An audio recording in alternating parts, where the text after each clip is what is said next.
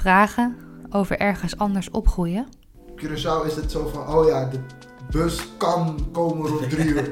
Je hebt geen, Ja. je hebt geen, je hebt geen Ah, is tijd een inschatting. Ja. is gewoon een inschatting. Nee, je- Aangetrouwde culturen. Jij ziet iets dat jij ziet als, jij leest dat als een spiritueel iets. Dus bijvoorbeeld, je ziet een boom en je ziet een aantal mandarijntjes bijvoorbeeld eronder. Ik lees dat bijvoorbeeld als een offering, maar iemand leest dat hier eerder als vuilnis.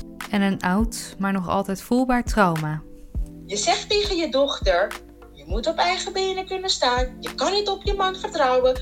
Je, ehm, ook al zegt hij dat hij aan trouw is, ehm, je moet altijd uitkijken. Self-fulfilling prophecy. En over een persoonlijk, bestuurlijk en politiek ingewikkelde relatie.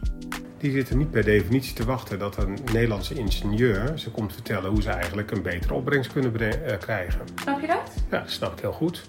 In Westpunt de podcast ga ik, Tess van Genderen, samen met verschillende gasten op zoek naar het complexe verhaal van de Curaçaoenaar die naar Nederland komt.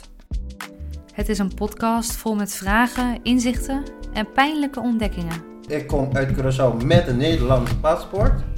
Voor een algemene Nederlander ben ik nog steeds een buitenlander.